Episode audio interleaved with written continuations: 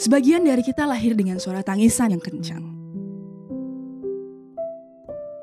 Katanya, itu adalah salah satu bukti bahwa kita sehat sentosa.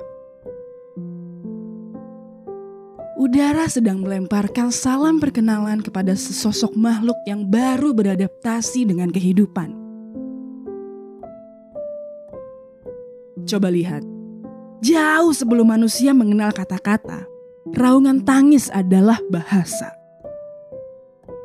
Namun, begitu mereka menapakkan kaki, mengeja huruf demi huruf, mengenakan seragam sekolah, dan berkenalan dengan yang lain, tangisan tidak lagi berbuah air mata.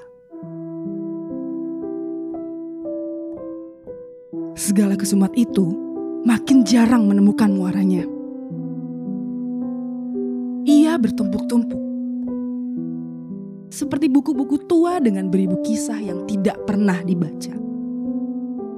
Ketika ada yang bertanya, "Kenapa kau pendam segala perasaan itu?" Dengan nada getir, aku, kamu, kita semua sepakat menjawab.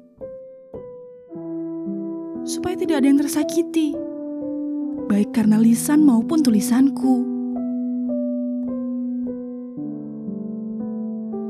Kita memendam suara sendiri agar yang lain bisa bernyanyi dengan riang.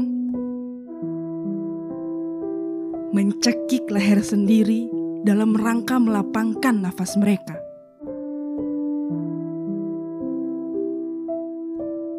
Barangkali, dengan kata lain, kita terbiasa menyakiti diri sendiri demi menyelamatkan orang lain. Suatu hari nanti, aku harap kita dapat menemukan telinga yang paling tabah. Sepasang pendengaran yang tidak menghakimi cerita-cerita dalam buku tua itu ia yang tidak tersakiti oleh kejujuran.